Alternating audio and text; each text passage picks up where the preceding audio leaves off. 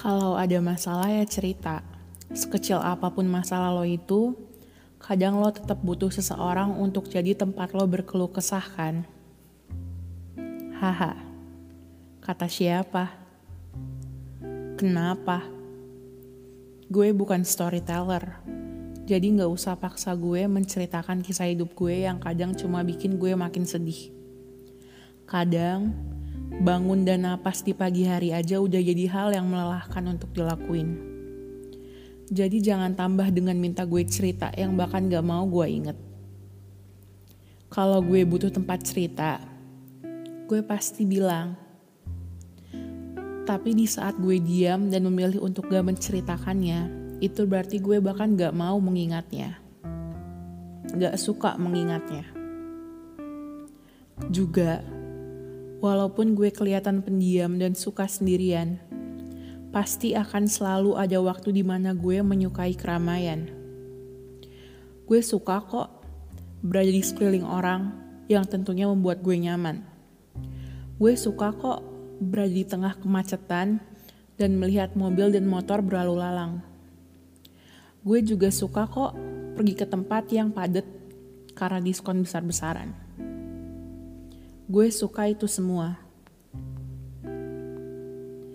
Jujur kadang, gue emang suka ngerasa kalau gue capek hidup.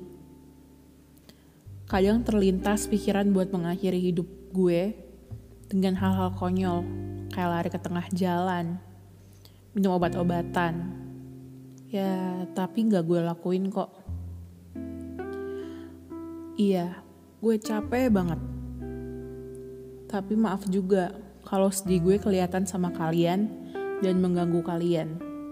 Tapi maaf, gue masih belum siap untuk cerita. Belum nyaman untuk membuka kisah yang sebenarnya juga kalau bisa gue lupain, gue lupain. Kalau bisa nggak terjadi atau nggak tahu sama sekali ya mending begitu.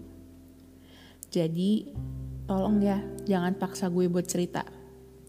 Kalau suatu saat gue mau, pasti akan gue lakuin kadang gue cuma nyaman aja nyimpen kisah gue sendirian.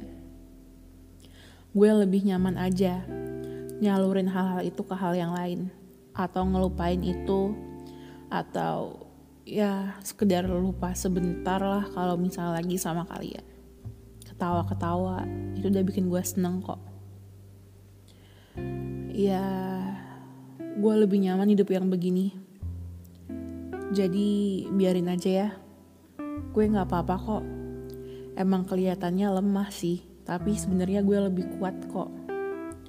Gue masih bisa bertahan. Gue masih mau bertahan.